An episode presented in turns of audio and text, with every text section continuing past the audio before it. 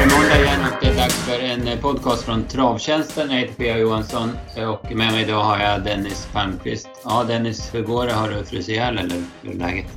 Ja, det är väl nära, nära på men eh, det ska väl vara, vara bättre idag. Nu har jag inte, inte varit ute idag, vi spelar in lite tidigt här så, men eh, du, du hintade om att det är bara hälften så kallt nu i alla fall som det var i helgen. Så att, det känns ju som ett, som ett plus. Ja, typ. Det har gått från minus 20 till minus 10 i alla fall här i, i Kumla. Va? Så att, eh, jag anar att det är lite åt det hållet hela, hela landet. Eh, jag måste fråga dig som, som, som tränar häst och sådär. Hur, hur är det? Alltså, vi har ju hört om kuskarna. De, en del som Jorma väljer att vara ute. Eh, andra går in och värmer sig mellan loppen och sådär. Och det är klart att de har kallt. Men, men ni som tränar, ni sitter i alla fall ute i 45 minuter, en timme och, och sådär. Och jag tänker att du måste väl in med varje häst och ta rätt på den och sela på nästa och sådär och dörra ut och in i kylan. Hur, berätta lite, hur funkar det en, en eh, träningsdag? Ja, det är ju väldigt kallt eh, när det är så som det har varit eh, i helgen här nu. Nu kör inte vi några just lördag, söndag för vi hade sett att det skulle bli så kallt så att vi körde av det vi skulle på, på fredagen. Men eh, annars är det ju att ha bra, bra grejer på sig som, som Erik Adielsson pratade om i lördags eh, i sändningen. Så, riktiga grejer och bra grejer överallt och många lager och, och skydda, skydda ansiktet. Och sen är det ju svårt med, med händerna för jag tycker heller inte om att ha det finns ju bra grejer till händerna också med el och allt möjligt men eh, blir det för tjockt så får man liksom ingen, ingen feeling alls eh, i tömmarna och då, då, då, känns det inte bra helt enkelt. Så, Då fryser man hellre lite av ränderna och så får man se till att värma dem emellan, mellan turerna. Mm, ja. Men när man har kommit igång dag, det, det, funkar i alla fall även om det är så här riktigt kallt. Liksom, man, man fryser inte. Jag tänker mig jag själv som är helt ovan, jag skulle ju typ, typ frysa ihjäl. Ja, och det, eh, jag tycker alltid att den första turen är, är värst. Då fryser mm. man mest och sen så kommer man liksom in i det. Och det sa det sa Mats Djuse till mig någon gång förra vintern när vi, om vi hade någon på Örebro där det var någon tävlingsdag när det var riktigt kallt också. Så då, då sa han att den första hästen är alltid värst innan ja, man ja. kommer in i det. Mm. Ja, precis. Ja, och som sagt det finns ju bra grejer. Men de här elhandskarna, är de väldigt klumpiga och sådär, eller hur? De är, det finns väl olika modeller, men de jag har provat är ganska tjocka upp till, eh, ja, upp mot armen om man säger mm. så. Det blir mm. väldigt klumpigt ihop med jacka och, och allting. Ja, ja, ja, okej, okej. Ja. Inte, ah, inte just att fingrarna är så klumpiga, men själva handsken är rätt eh, klumpig. Mm, mm. Ja, det är ingen lek med kyla att hålla på med, med hästar. Så där. Jag minns ju när jag växte upp med hästar, min, min morsa och farsa hade hästar hemma och de tränades och sådär och när man vart så man kunde vara med och hjälpa till och köra då, då var man ju där såklart och sen så vi hade ju så, så trångt så vi kunde ju inte spänna fast vagnen inomhus utan då fick man ju ta ut hästen och sela på ute och det var ju remsela på den där tiden så att då stod man ju barhänt och sen körde, då var man ju iskall innan man började. Så att, ja. ja det, har blivit, det har blivit bättre och sen ja. så har vi har det ganska lyxigt just med finns ju andra problem också med att vattnet fryser. Det är ju precis. Ja. Där, så, men eh, där han vi hyr av har lite värme både i vattnet inne och, och ute så att eh, det, det funkar rätt så bra. Mm, ja, det är precis. För det vet man ju, har man ju talat om det. I stall där vattnet har fått stått och runnit i någon golvbrunn någonstans hela nätterna för att det inte ska brytas. Så det ska vara cirkulation och sådär. Ja, för får de, inget, får de inget vatten så blir det snabbt kris. Ja, ja, men precis. Så är det. Ja.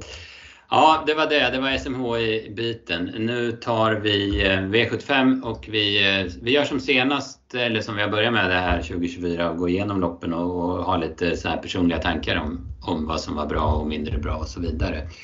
Eh, vi börjar V75 1 i lördags. Där vann den stora favoriten Santis Hilton. Han var ju ja, men extremt stor favorit. 66,7 procent är ju, ah, det är ju alldeles för mycket. Men vi valde ändå att spika honom. Vi valde att hålla fast honom som spik på, på slutspelet. Eh, eh, trots att han ja, men fortsatte uppåt eh, i streckprocenten. Men ibland så får man ju bara tugga i sig väldigt stora favoriter och det, det gav ju ändå 1,9 miljoner så att det funkar ju liksom. Ja, så känns det ju verkligen. Och, och eh, jag hade någon, hade någon egen lapp där jag tänkte att nej fan vad tråkigt att kliva av i första eh, och, och, om han förlorar så jag tog med några till så att då blir man ju bara förbannad efter att man ströd, strödde med strecken. Ja. ibland är det ju bara rätt att, att tugga i sig som du sa. Mm, ja precis. Om vi tar loppet då så, så var det en ganska viktig situation där att Joshua, tror jag i alla fall, eh, han kanske vinner ändå samtidigt men, men att Joshua BR höll ut Declan ifrån start och, och sen galopperade ju Declan då när han fick svar. Eh, för jag tänker att annars så blir det ju Declan till spets och då får väl knappast Santis Hilton ta över. Han kan ju vinna från döden i och för sig. Men, men det var nog rätt så viktigt för, för, för favoritens del. Ja, då hade det blivit eh, ett helt annat lopp i alla fall. Så, nu, nu, som det blev nu så blev det väldigt enkelt. Mm, ja precis, kom ju till spets efter 800 visst, lite körning, eller det tog lite tid och det gick 14 på varvet men sen, sen så var det inget snack. Han är skön Santis Hilton, han ser ju inte så ja, men morsk ut men sen när man eh, hojar på honom och drar något snöre då, då blir det helt plötsligt eh, jättemycket i tömmarna. Ja, Nej, han är ju väldigt eh, loj innan och sådär också, även om han ser väl lite roligare ut nu än, än vad han gjorde tidigare. Så, mm, mm. så det är eh, verkligen rätt eh, utveckling.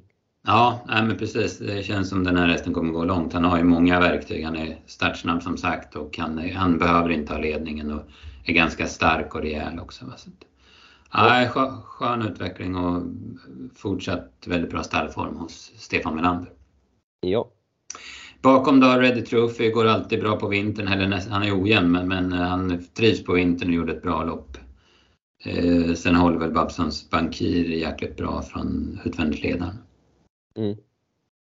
Eh, var Joshua BR där såg ju, ja jag håller med, han såg ju riktigt dålig ut innan lopp. Värmningen var ingen fara alls men, men i provstarten så såg han ju dålig ut i den första provstarten och så galopperade han i den andra. Eh, ja, men man var ju väldigt kritiska till honom i, i sändningen om han skulle starta eller inte. Men, men sen, sen till loppet så ser han ju bra ut. Och det fanns ju ingenting att anmärka på honom då. Nej, och jag, jag vet de gjorde intervju med Sjöström, men jag missade den faktiskt. Jag vet inte mm. exakt vad han sa ah, själv. Nej, men han sa att han var inte nöjd med provstarten, men sen åkte han fram till eh, tränaren, det är ju Jonna Irri som tränar, och hon sa att när banorna är hårda då kan han bli sådär trippig och kort i steget innan loppen men, men brukar funka i loppen. Va? Så att de körde på det och det, det stämde ju också. Va? Mm. Ja, han gick väl en helt, eh, alltså en, en, en vettig insats var ju med ja. i den öppningen och så vidare. Mm. Ja men absolut. Eh, ska vi koka ner det här? Vad, vad säger du? Vi, vi vill ju säga tre rubriker i varje lopp. En toppen, en floppen och en lira nästa gång. Och om, eh, ja, om du får börja här då. Mm. Ska jag dra alla tre? På, ja, gör det. Gör det. Så ja. tar jag mina sen. Ja, eh, ja, toppen får ju bli i alla fall Sandy Silton. Vinner man så enkelt så är det svårt att plocka fram någon annan. Eh, floppen, De eh, Declan var ju en del betrodd eh, galopp och utgick. Jag vet inte varför han utgick faktiskt, eh, för han jag tror han inte han var diskad. diskad. Nej, Nej, han var inte diskad. Jag vet inte om han eh, trodde att han var diskad eller om han bara var lack eller varit less där när han galopperade. Jag vet inte, för han var ju faktiskt med fältet såg jag efter 700 meter ute i banan. Så jag, vet, jag, vet, jag vet inte varför han utgick. Nej, nej, det var lite den jag fick också. Jag vet inte riktigt varför han mm. utgick. Men, men, så var det i alla fall. Och så lira nästa gång. Det kanske inte jag trodde innan, men jag säger uret. Aha. Han såg ut att ha mycket, mycket sparat och kanske, jag vet inte, den kanske kommer ut i, i, i Monté här snart och då, då ska han nog räknas. Mm. Ja, jag har faktiskt inte så mycket att tillägga. Jag hade precis samma hästar. Och det är klart det är hårt att ge Declan, Declan floppen för att han galopperar men, men det var ju det att matchen försvann. Det var ju lite det man blev ledsen över. Men jag, och jag reagerar också på uret, hur han såg ut faktiskt. Ja, ja. ja. Nej, och det, var väl just, det var väl just att um, han får floppen lite det fanns ingen eh, det fanns inga bra alternativ till Nej. flopp heller. De gick väl ungefär som, som de skulle, de mm. flesta. Ja, precis. precis. Ja uret, nu kommer jag inte ihåg exakt, men jag tror inte han har, jag tror inte han har vunnit sulkelopp sen om det var 2020 eller 2021. Va? Så det var, ju, var en väldigt positiv prestation. Ja, liksom från, från det till att och lite klättra i ryggar på mm, mm. V7. Ja, det såg ja, bra ut. Japp. Eh, V75 2 då, så, så eh, ja, det var en incident där. Timidi var ju ruskigt het och eh, kvävde sig som, som man säger. Han tappade luften och gick omkull in i första sväng och så man blåste av loppet. Men, men det blev kalkyleringspapper på första loppet eh, i det andra där Mr Karaoke var bra med från start. Solens skrammel tog över in i första sväng. Och sen så, så dominerade hon loppet runt om. Mm. Och Timidi var nog, eh, bara för att avsluta den, så hörde jag vad Fanlund sa, att han var lite inne på att det blir lättare så när det är så här eh, kallt, när kuskarna inte har, att man har tjocka grejer och liksom håller kanske något hack hårdare än vad man gör eh, mm, mm. i sommaren och då kan det bli sådär. Och han, hästen är ju het och, och, i vanliga fall och nu blev det för mycket när det blev lite fördröjt och sådär. Ja, nej men precis.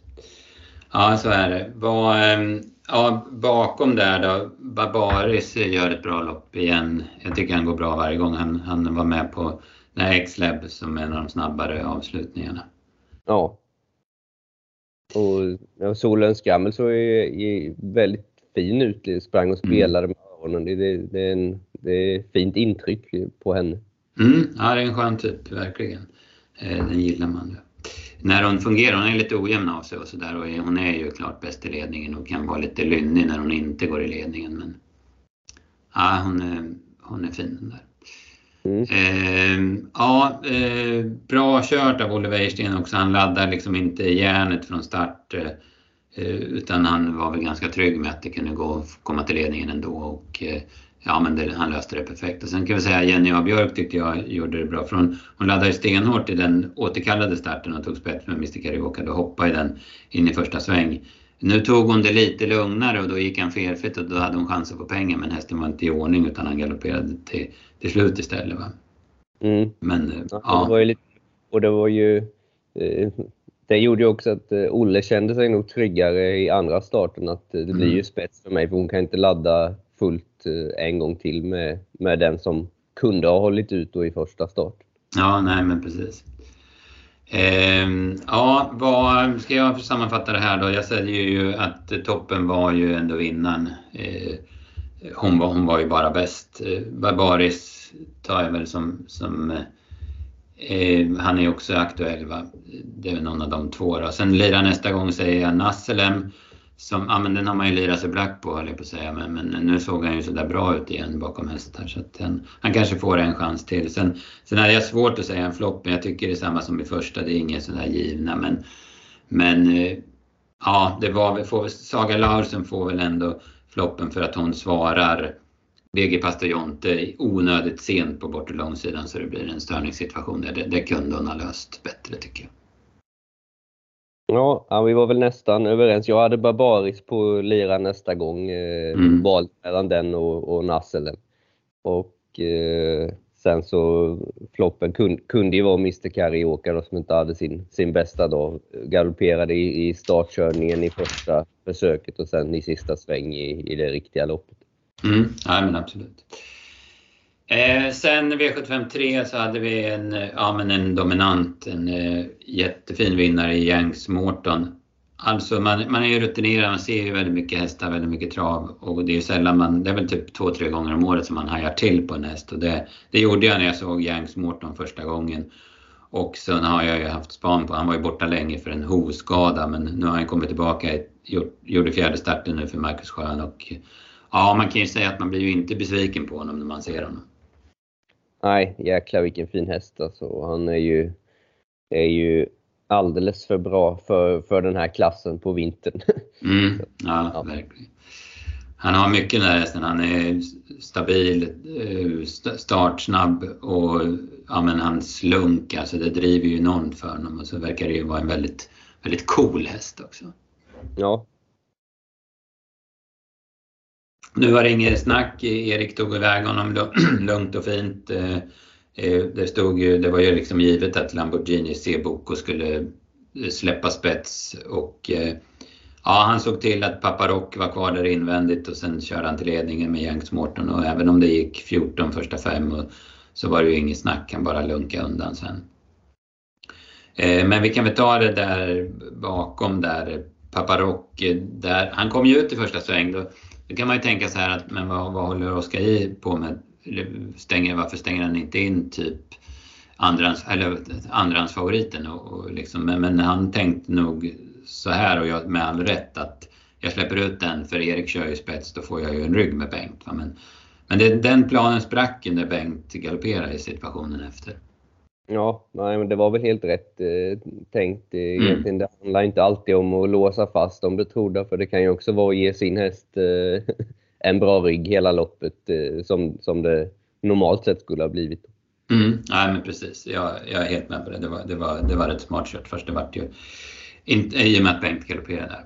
Eh, vad säger vi bakom Jens Morton? Global Dependable, han är, går en bra långsida, kommer upp i rygg, sen tappar han ju på vinnaren men det är ju inget att säga om han slår i övriga lätt och sen quick run gör åter ett bra lopp. Den där, han är ju jättefin quick run och kanske att poletten börjar trilla ner där. Den har ju strulat mycket genom åren.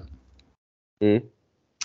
Men Paparock då, eh, ja han kommer ut i första sväng som sagt, hamnar utvändigt ledare men ser slagen ut mest hela loppet och sen kränger han ju ner och, och lyckas kroka ihop med Lamborghini i Cebuco så den får ju sin dag förstörd där ja, i sista sväng någonstans 400 kvar. Så det, det var ju ingen bra Sverigedebut för Paparock.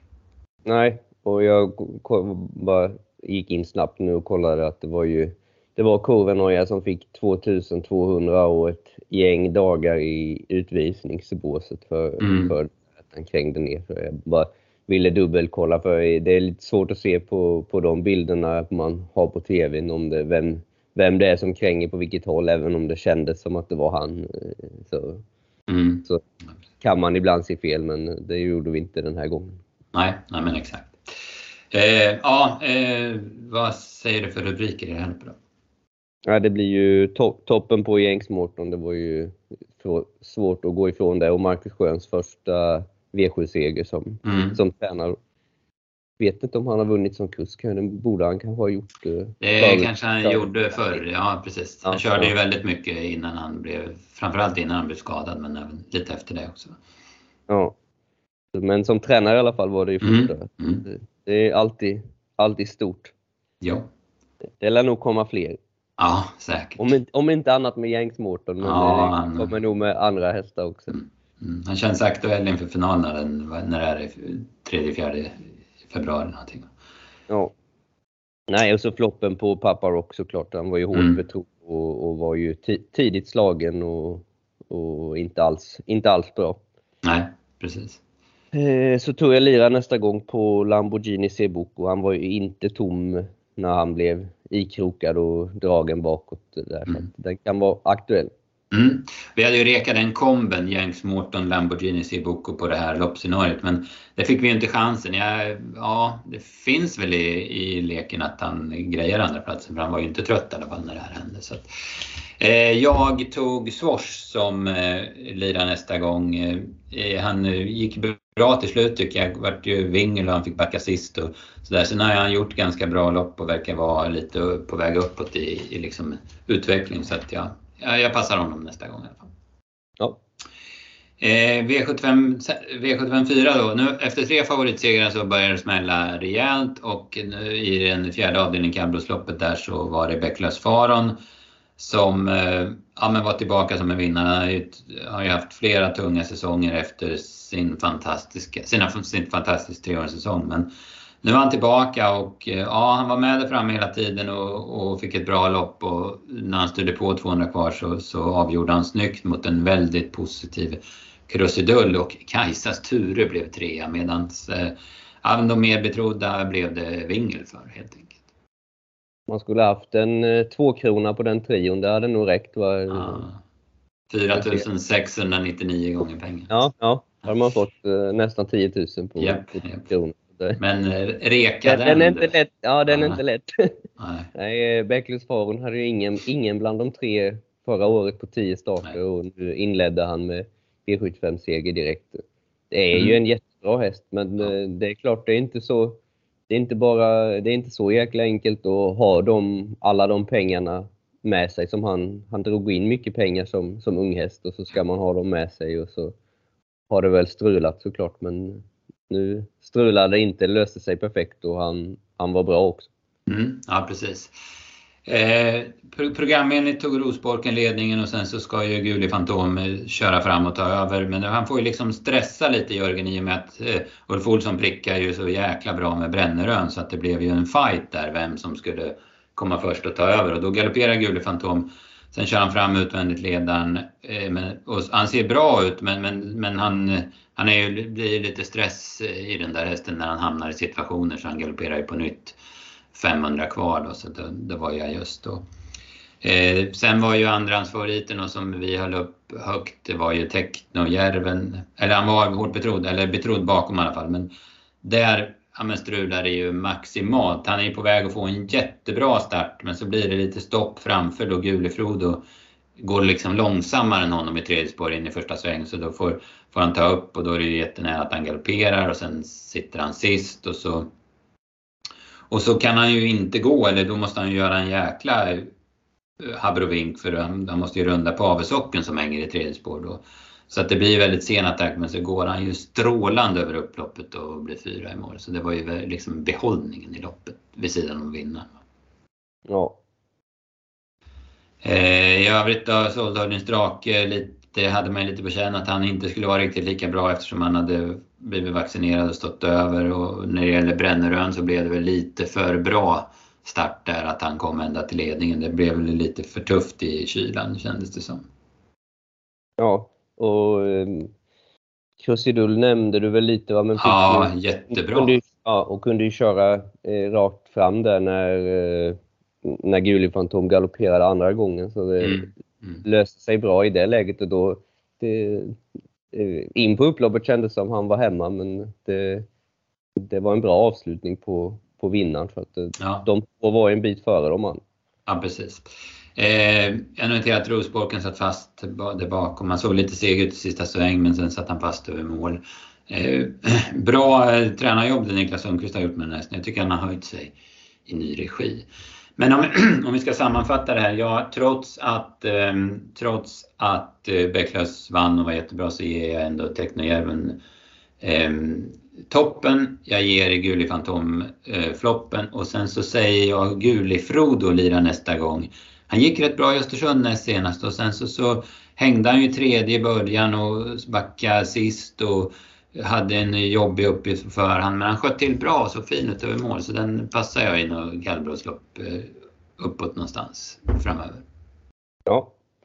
Vi var väl inte, här hade jag lite andra än du. Jag tog eh, eh Oskar Kjellin Bloms känslor efter loppet. Mm. Det, jag gillar att även om man har han nu har 60-70 hästar i träning, att det liksom att man har någon känsla kring hästarna. Man har att det inte bara är maskiner som ska in och, och bytas ut när det inte funkar utan eh, han, han var, lät lite som att han har varit eh, orolig att han skulle tappa hästen ur träning mm. och, och, och, att det lär han ju inte göra nu känns det som. Så Nej, det var Nej precis. Nu får han kämpa på ett tag till. Ja, och sen eh. var ju Guli Fantom var ju givet eh, floppen och så tog jag ju då Technojärven eh, lira nästa gång. Det var, han tog något eh, dåligt steg där, 150 kvar typ, men sista 100 så, så flög han ju. Mm. Ja, han är häftig. Han var ju lite för vass i värmningen så han kunde inte köra med det helt stängda som han hade tänkt.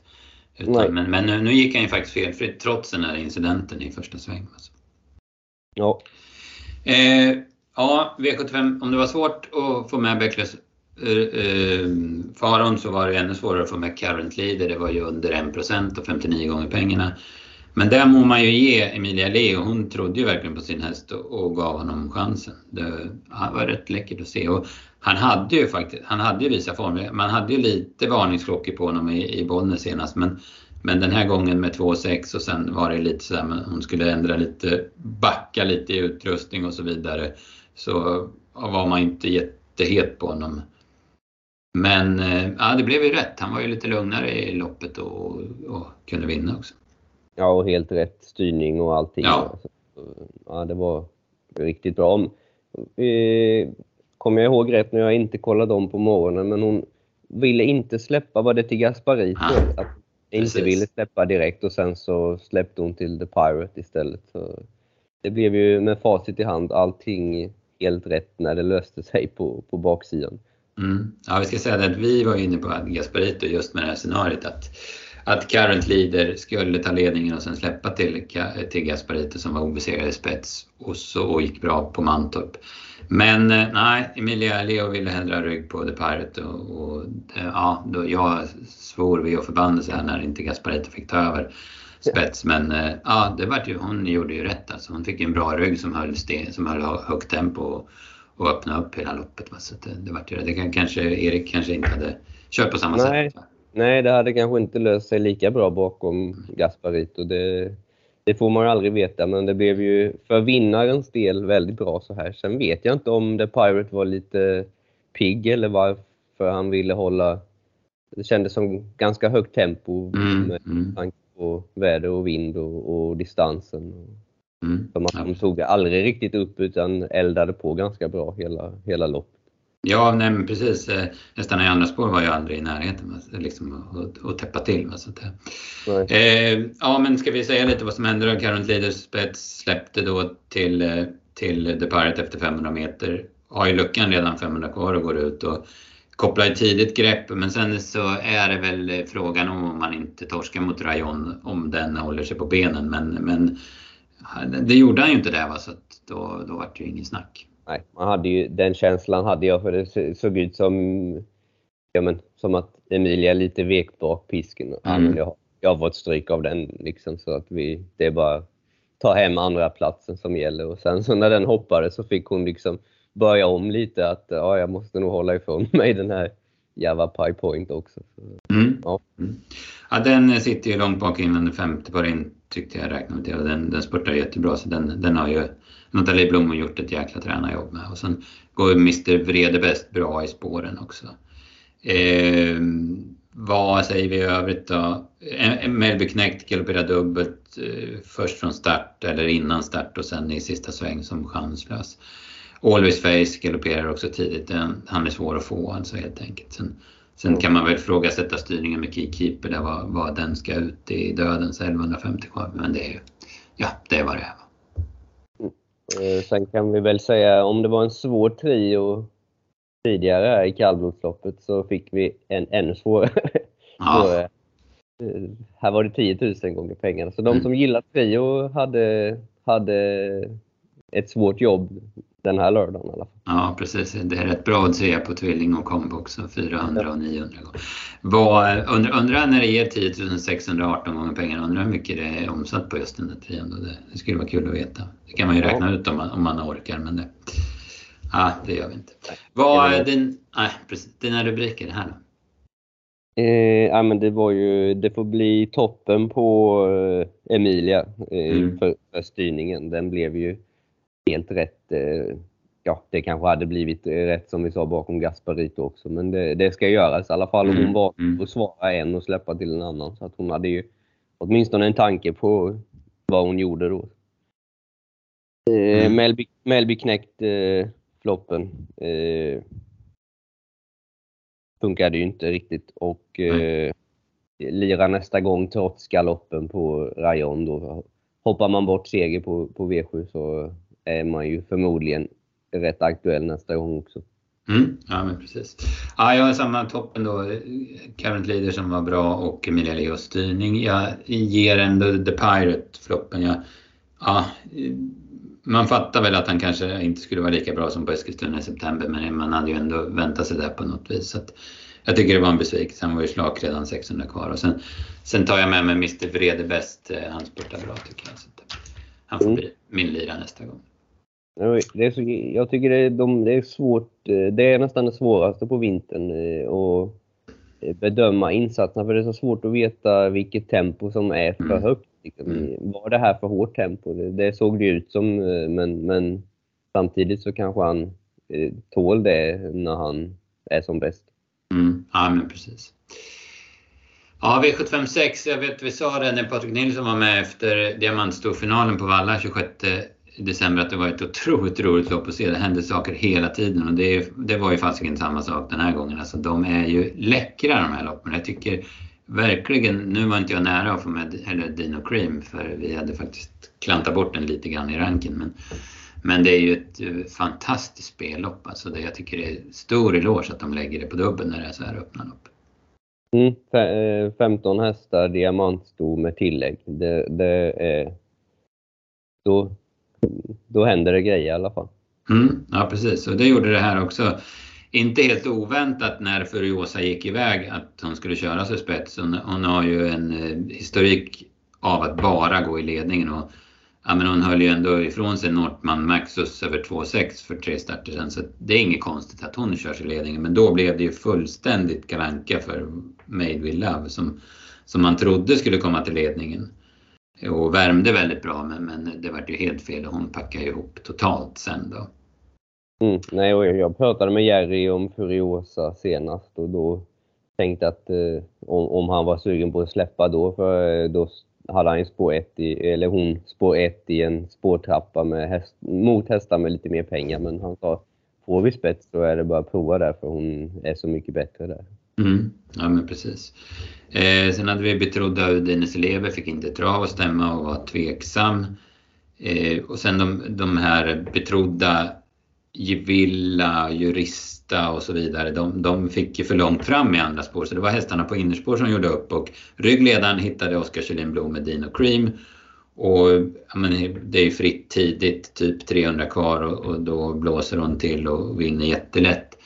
Eh, vi, vi var lite inne på henne i, i Gävle senast mot bra hästar men den här gången hade vi som sagt rankat ner och det var ju just på det att vi hade feeling att hon var en men, bäst i spets, att hon var tveksam bakifrån. Men, men det visar hon att nu att vi var fel ute på det. Hon gick jättebra, efter, i alla fall efter rygg, ryggledan. Ja, nej, och så blev det ju lite, eh, lite svårt för Oskar J där, så han fick ju nästan inget val än att testa det här rycket som han gjorde. Eftersom de i andra spår inte gick någonting så skulle ju alla hästar på innerspår få fritt i alla fall. Mm, mm. Ja, precis. Eh, Sen Serava CD väljer ju fjärde par in efter 500 meter. Där kan man notera Donna Summer hade vi tipsetta eh, efter intrycket på annandagen och eh, hon hade ju spår 1 på tillägg och då tänker man ju någonstans att ja, men, testa invändigt och, och se vad som händer. Men, men Viktor Ruslev tänkte annorlunda. Han gick ut direkt och fick en, två, tre, fyra, fem, sjätte par utvändigt och sen skulle med då som typ tredje häst i tredje spår och det, det är ju jävligt svårt. Alltså det, nu tog Serava CD den på hans position så att säga efter, efter en bit och blev tvåa i loppet. Så det var ett felval men ja, det, det är ju lätt att säga, man sitter vid, vid sidan om och har facit i hand. Men tanken, min tanke när jag rankade Donna Samaretta var väl kanske att man skulle köra på chans invändigt. Mm, mm. Eh, vad säger vi sen? Ja, Serava det hon spurtar bra men var ju aldrig något riktigt hot mot vinnaren. Sen gör ju Jurista återigen ett jättebra lopp. Där har vi Marcus Stjärn igen. Hon, hon har ett, får ju ett, jobba i spåren och jag hade under 13 sista åtta på henne så, att, så att hon var ju bra på nytt.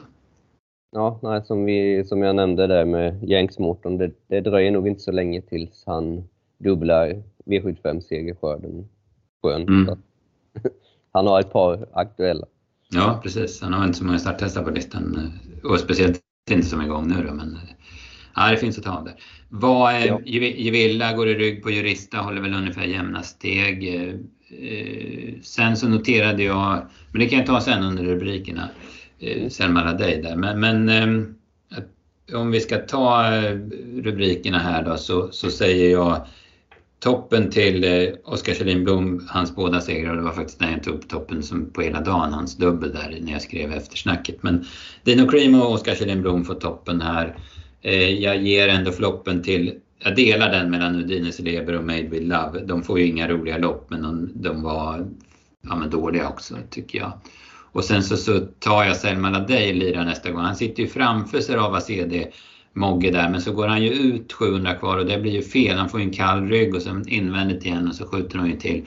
Jag säger inte att hon vinner V75 men hon har jäkligt bra form Selma dig så att hemma på Färjestad är ett lämpligt lopp så absolut. Ja, och eh, ja, toppen var ju samma. Det, det är otroligt svårt att vinna V75 ens med favoriter och, och vinna dubbelt med hästar som knappt är spelade är i princip omöjligt. Så mm. det är svårt mm. att ge, ge toppen till någon annan än Oskar. Nej, och sen, sen, så var det, Udines Leber var ju bara inte bra eh, och Made with Love, tufft lopp eh, i comeback. Eh, och så tog jag Jurista på Lira nästa gång. Mm.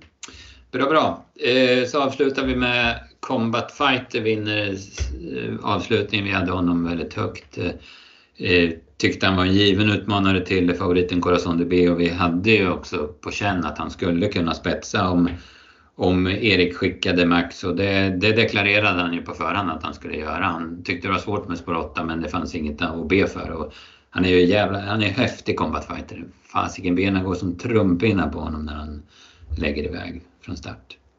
Ja, och så blev det ju för hans del rätt med fördröjning och, och för det plockade ju bort eh, Eski Mistral och jag mm. tror även att det gjorde eh, Corazon DB lite för mycket på tårna så att eh, Lennartsson vågade inte eh, ladda max heller utan fick hitta ut i andra spår sen istället och fick ju ett annat typ av lopp eh, på det viset. Mm, ja precis. Sen, så ja, men Combat Fighter i spets och, och, så blir det lite vingel med hästar i tredje spår då men, men Corazon B tar ju dödens. Han kommer ut efter 200 meter men så rycker ju Erik i ja, men typ 400 kvar. Sen vet man ju att han kan ju vara lite försiktig sista biten Combat Fighter men, men, men han höll igång honom jättebra och han vann ganska lätt. Så det, det, var välförtjänt. Han var, han var ny i klassen, han stod hårt inne och, och hade ju som sagt spår 8 men, men äh, det, var, det var jäkligt bra. Han har ju visat stigande form nu efter sin sjukdom på, i november. Ja, djävulskt bra intryck på Combat Fighter där när han i, i ryckögonblicket mm. såg han, så han oslagbar ut. Men sen så, ja, det var lite ensamt och, och, och stumma ben sista biten. Men det var ju aldrig, aldrig att segern var i någon fara. Mm, nej, precis. Nej, och sen plus till så Erik Adielsson också, han är vass alltså när han har de här chanserna. Han, han fick kritik för, var det framförallt kanske 2022 där han backade sina siffror rejält och det stämde inte i början av 2023 och han körde inte så mycket. Men sen tog han ju de här storsegrarna med, med derbyt som toppen och nu visar han när han får köra mer hästar och bättre hästar igen att ja, han är, han är kvar i toppen nu utan tvekan. Eh, bakom där så plussar jag för Running Coola. Jag tycker jag har sett att den har väldigt bra form och nu, nu fick han lite utdelning på det som tvåa. Sen eh, vet jag inte, jag, alltså man kan inte det blir väl gärna så att man är lite skeptisk till Corazon de Bs prestation men, men han är fyra från döden i smällkalla vintern och att han skulle göra en sån här monsterprestation som han gjorde senast på Solvalla det, det, liksom, det är jäkligt mycket begärt att man ska göra två sådana prestationer i rad. Ja, och det blir liksom minus eh, 20 var det nog när det här loppet gick och, och tugga på utvändigt och sådär. Ja, lite, lite uppstimmad av lång väntan på banan och sådär. Så det var, ja, nog, ska nog inte sågas allt för mycket tror jag. Ja, nej precis. Vad, eh, ja, vi eh, sammanfattar, du får säga dina rubbar först. Ja, toppen till Combat Fighter då ju speciellt eh, intrycket 400 kvar eller när, eller när rycket kom där i alla fall. Då, det var, såg läckert ut. Eh, floppen blev ju, ja, inte Eski Mistral för det var inte hans fel, men hela, hela upplägget med det här med huvudlaget och att man plockade så sent. Och det var, kändes som att det var fel i, i många led som gjorde mm. att alla hästarna fick vänta och det förstörde framförallt dagen för Eski Mistral och, och de som trodde på den hästen. Precis. Hade du någon nästa gång? Eh, ja, eh, Run and Cola var ju mm. Ja, men jag har helt samma rubriker. Och jag tänker vi ska ta det här med, med det, det, handlar ju alltså om att Eski Mistral har ju tidigare tävlat med eh, norskt med vita insidor. Roger Wahlman har ju haft det på en del hästar och framförallt kanske på Eski Mistral. Och sen från årsskiftet så, så blev det inte tillåtet. Det ska vara enhetlig färg och det får inte vara en avvikande färg på insidan av skygglappar eller, eller dragskygglappar. Och, eller någon reflekterande, alltså speglar eller sådär. Va? Eh, nu gjorde man ju en variant där med, med SG Mistral. Han kom ut med ett helt vitt huvudlag. Och fine, då är det ju enhetlig färg. Men då, mm. då kommer man på vad jag hörde i tv-sändningen att nej men det ska vara originalfärgen och den är ju inte vit utan det var ju målat huvudlaget. Och det ja, kommer... Framförallt, eh, in, det finns ingen, inget norskt huvudlag som har vita insidor i original. Det måste man tejpa eller måla. Mm. Eh, det finns ju vita huvudlag där själva huvudlaget okay. är vitt. Ja, men, eh, men det finns inga norska huvudlag som, som kommer original med en vit insida. Om man säger. Det kommer nog komma tror jag. Ja, ja det, det, eh, det är väl risk att de skriver om reglerna då. För det, det som jag tolkar det så det de vill ha bort är ju en vit insida på det norska mm. huvudlaget. Mm. Inte ett vitt eh, huvudlag för det spelar ingen roll om det är vitt eller blått Nej. eller rött. Eh. Nej, man har ju sett anskrämliga färger, rosa och ja, lite dit. Nej men så här, alltså jag tänker så här. Man upptäcker det här. Var man Ja, men Roger Wahlman är Roger Wahlman. Han, han, var ju, han var ju sur för den här förändringen. Han ville ju ha vit insida på, på norsken eh, på Eskimestral. Då, då gör man den här varianten och det är ju lite för att provocera tror jag men samtidigt för man vill ha kvar den här vita insidan på, på norsken. Men när man upptäcker det... Lite, lite testa reglerna ja. och kanske vart, vart kommer de säga något om det här eller, eller är det okej okay nu när allt har samma färg? Så, mm. ja. När man ser det då, det är ju ekipagekontrollanten och veterinären som, som ser det här i, på defileringsvolten, det är det den är till för. Då, varför inte göra som man gjorde då, bara ge Roger Wahlman tusen spänn i böter och säga att du får inte ha det här nästa gång. Varför krångla att man måste byta? Man, man bytte ju stolparna och det norska huvudlaget och sen gick jag in med, med vit nosrem och det här. Som, alltså, så man byggde ju om huvudlaget efter defilering och provstart. Så man får en fördröjning och man får en, hel, en Eskimistral som är helt uppe i det blå. Det, jag tycker det är jäkla klumpigt skött av Romme och, och funktionärerna. Jag tycker att, ja men kör det. Har han gått 33 lopp tidigare med, med vita insidor på norsken så kan han väl för fasiken gå det 34 och sen gör man åtgärder efter det. Ja, en, kanske en rejäl bot då. Ja. Att och, och, och ringa och, upp Roger Wahlman och säga... Och säga att har du, det här, har du det här nästa gång så blir hästen struken istället. Ja, så, så, då väljer du själv. Men, men eh, eller, det finns, jag tycker nästan en större fel är att eh, de tog ju inte det på defileringsvolten för han var ju med och defilerade mm. och så blev avplockad av banan. Eh, så att det var ju ännu kortare tid till start än vad som var hade man plockat bort han på, på defileringsvolten och sagt åk in till stallet och byt så får du defilera efter de andra. Så mm. hade man sparat ett gäng minuter som, som försvann då på att han skulle ut och vara med i defileringen och sen köra hela vägen tillbaka igen. Mm, ja, precis. Ja, nej. Eh, såklart, ja, men man ska ju följa reglerna och så vidare men var, han, han, han, gjorde ju en variant där Roger i alla fall. Gjorde ett test men jag, jag tycker att man kunde ha skött det mycket bättre. Så är det. Eller så är det, det är min åsikt. Ja. Mm.